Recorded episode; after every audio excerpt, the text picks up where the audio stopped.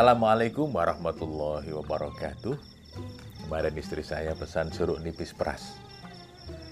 Setelah diantar, yang menarik bukan jeruk nipis perasnya, tapi yang mengantar. Karena kurir ini, rupanya ketika melihat ada kucing di depan rumah saya sedang kelihatan lapar.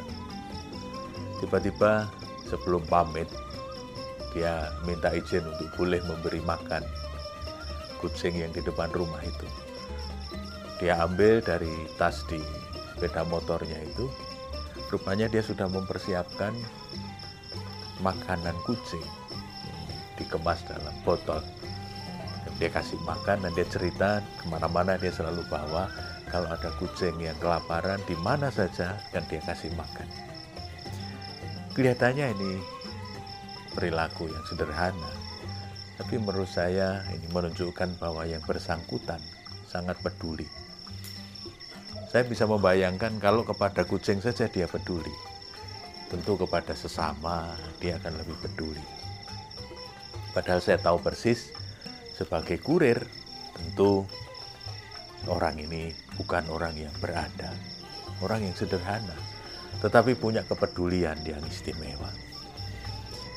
Dalam bahasa psikologi perilaku yang seperti ini disebut dengan prosocial behavior. Jadi perilaku prososial. Ada juga yang menyebutnya sebagai altruism, yaitu sebuah kecenderungan perilaku untuk bersedia berbagi manfaat pada orang lain dengan sukarela. Orang seperti ini dia akan senang kalau bisa membantu. Nah, perilaku prososial ini jenisnya macam-macam misalnya menolong. Jadi ada orang yang memang menyediakan diri sebagai orang yang mau menolong orang lain. Kan ada komunitas misalnya kalau di Jogja itu ada anak-anak muda yang dalam hal menolong itu dengan caranya masing-masing. Ada yang menjadi apa namanya orang yang berada di depan ambulan pakai sepeda motor untuk mencarikan jalan ambulan Tentu itu juga sederhana, tetapi fungsinya untuk menolong orang yang sedang sakit atau orang yang sedang ingin langsung dirawat di rumah sakit ini menjadi sangat bermakna. Kelihatannya hanya mencarikan jalan ambulan, tapi apa yang dilakukannya sangat bermakna bagi yang menerima. Ada juga bentuknya yang lain itu berbagi. Bisa berbagi kesempatan, bisa berbagi rezeki, bisa juga berbagi pikiran dan perasaan. Ada orang yang menyediakan diri untuk menerima curhatan orang lain dan kemudian dia berbagi pengalaman. Itu hanya sekedar berbagi, berbagi perasaan. Bentuk lain kerjasama. Jadi orang yang mau bekerja sama dengan orang lain itu sebetulnya juga menunjukkan bahwa orang ini punya kepedulian orang ini ingin bisa bersama-sama membangun sebuah komunitas supaya kualitas sosial yang ditunjukkan itu menjadi lebih kuat. Ada juga yang dalam bentuk menyumbang, menyumbang uang misalnya, bank sembako di era-era pandemi seperti sekarang ini luar biasa banyak orang yang kemudian bersedia untuk menyumbang sebagian dari rezeki yang dia miliki untuk dibagikan kepada sahabat-sahabatnya yang lebih memerlukan. Ada juga jenis prososial, perilaku prososial itu adalah memperhatikan kesejahteraan orang lain. Jadi dia perhatian pada orang lain. Kalau ada persoalan di orang lain dengan serta-merta, dia ingin bisa membantu. Nah, untuk bisa sampai kepada kualitas perilaku yang seperti itu tentu bukan tiba-tiba. Kalau di dalam keluarga tentu ada model, model yang mungkin ayahnya, ibunya, atau kakak-kakaknya selalu menunjukkan perilaku prososial. Nah, ini yang di bawah biasanya akan ikut.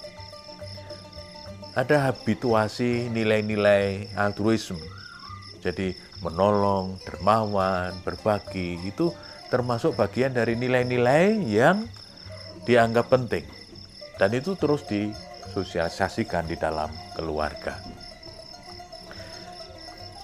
Malah kalau di dalam agama, ada ungkapan yang disebut dengan pendusta agama.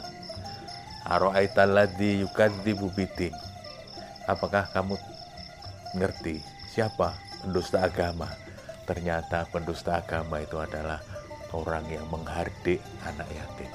Orang yang enggan untuk mendorong agar orang peduli memberi makan fakir miskin. Bahkan di akhir ayat itu lebih dijelaskan lagi. Wayam naun al maun. Orang yang enggan untuk berbagi manfaat. Al maun itu kullu fihi manfaat.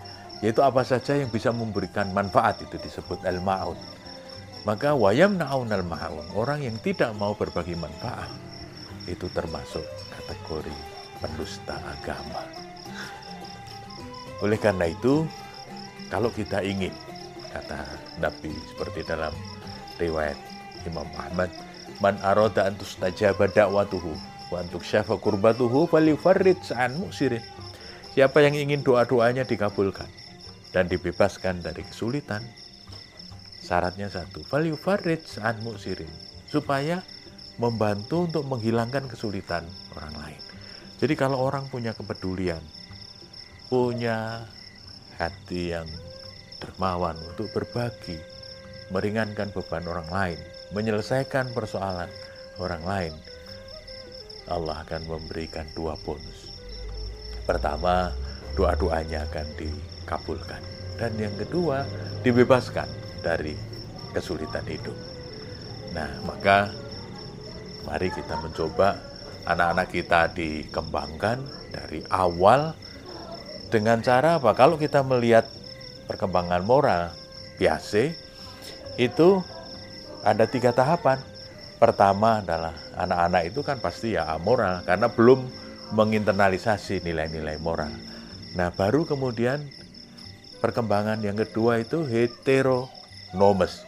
Apa yang disebut heteronomes adalah nilai-nilai itu masih dari luar, dibiasakan, dikasih model, dikasih insentif kalau nilai-nilai itu bisa berkembang. Nah, baru nanti kalau dia sudah terinternalisasi, itu yang disebut dengan otonomus. Kebaikan, nilai-nilai berbagi, itu sudah muncul dari dalam. Karena itu, pemirsa, jika ingin seperti Nabi, jangan sungkan silaturahmi. Tunjukkan rasa peduli, kejar ridho ilahi. Assalamualaikum warahmatullahi wabarakatuh.